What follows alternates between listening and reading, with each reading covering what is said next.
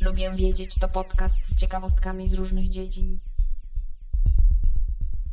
Cześć. Ja jestem Monika, a ty słuchasz podcastu Lubię wiedzieć. Tym tygodniu mignęła mi taka informacja gdzieś w sieci, że 7 lutego był dniem gumy balonowej. I jak to ja, zaczęłam się zastanawiać, skąd w ogóle guma do rzucia, guma balonowa, guma do rzucia wzięła się w naszych życiach, kto ją wymyślił i dlaczego ją wymyślono. Jeśli taki temat Was interesuje, to zapraszam do słuchania dalej.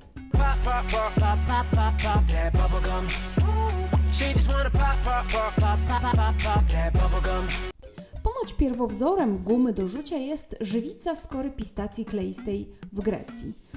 Tak wyczytałam w polskiej Wikipedii, ale w dalszej części tego podcastu usłyszycie, że tych pierwowzorów jest trochę więcej niż jeden. Pierwszą gumą do rzucia produkowaną na sprzedaż była guma świerkowa, produkowana od 1848 roku przez Johna Curtisa w jego domowym kuchennym piecu. Potem dodawano do niej dziwne i rozmaite środki, do, dodatki, a także nazywano ją w różny dziwny sposób. Natomiast pierwszą prawdziwą gumę balonową wyprodukował Frank Harry Fleer, ale ona często pękała i nie były te balony takie spektakularne, jak dzisiaj je znamy. Potem w 1928 roku Walter Dimmer, pracownik firmy Fleer Chewing Gum Company w Filadelfii, dodał do gumy lateks. Lateks zapobiegał rozrywaniu się gumy przy wydmuchiwaniu balonów, a dodał też do niej różowy barwnik i od tamtych czasów to właśnie kolor różowy jest najczęstszym kolorem gumy balonowej. Ta ulepszona przez Waltera Dimmera guma nazywała się Double Bubble i była dominującą gumą na rynku aż do czasów po II wojnie światowej. Wtedy pojawiła się marka Bazooka Bubble Gum, która przebiła popularnością tą pierwszą Double Bubble. Następnie William Wrigley Jr., właściciel fabryki mydła w Chicago, wprowadził na rynek gumy Juicy Fruit i Spearmint, które są produkowane do dziś. Myślę, że nazwisko Wrigleya znacie do tej pory, bo produkowane są właśnie bardzo popularne gumy Wrigley's. Do lat 70. XX wieku guma balonowa miała tendencję przyklejać się do twarzy, kiedy już balon się rozerwał, to wtedy właśnie te skrawki się mocno przyklejały do twarzy. Właśnie w latach 70. wymyślono gumę syntetyczną, która się już tak nie kleiła.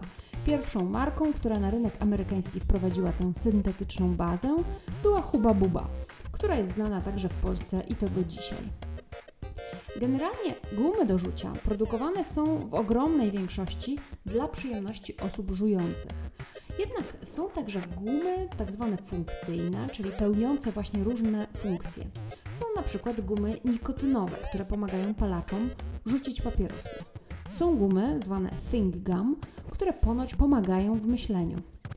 Otóż istnieją takie badania, na przykład badanie, do którego wyników zamieszczam link e, w notatkach do tego odcinka.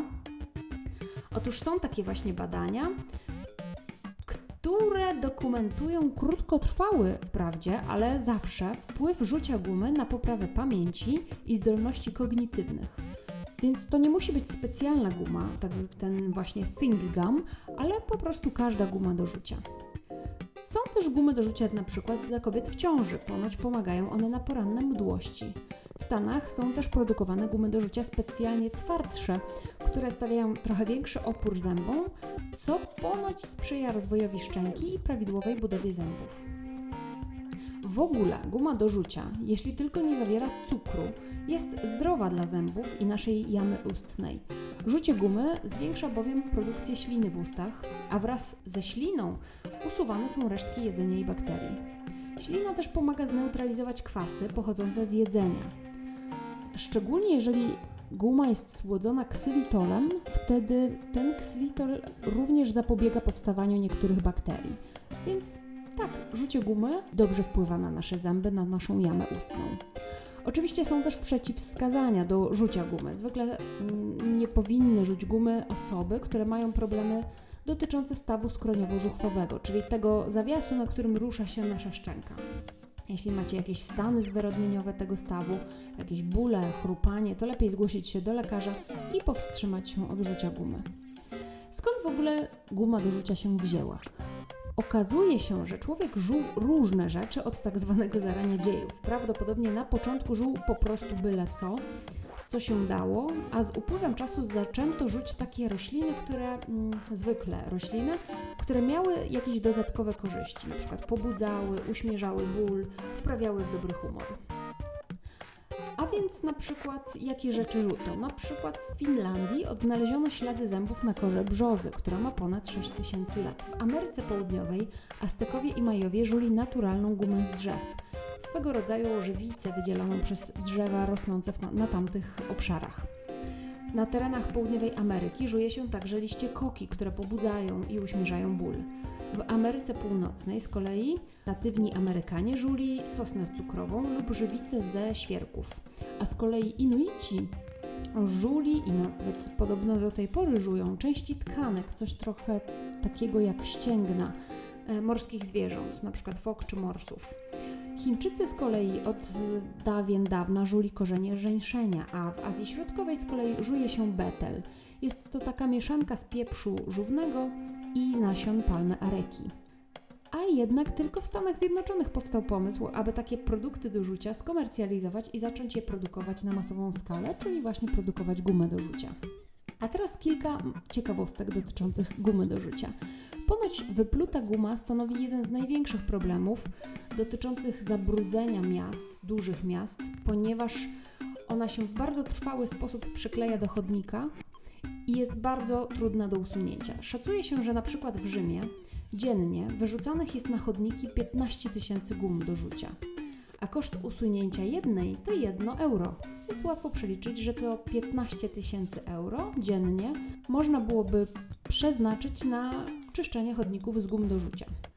Jedyne miasto na świecie, gdzie istnieje zakaz rzucia gumy, to Singapur. Zakaz został wprowadzony w 1992 roku, a od 2004 roku można kupić tam gumę i rzuć, ale tylko i wyłącznie taką gumę, która jest przepisana na receptę i kupiona w aptece.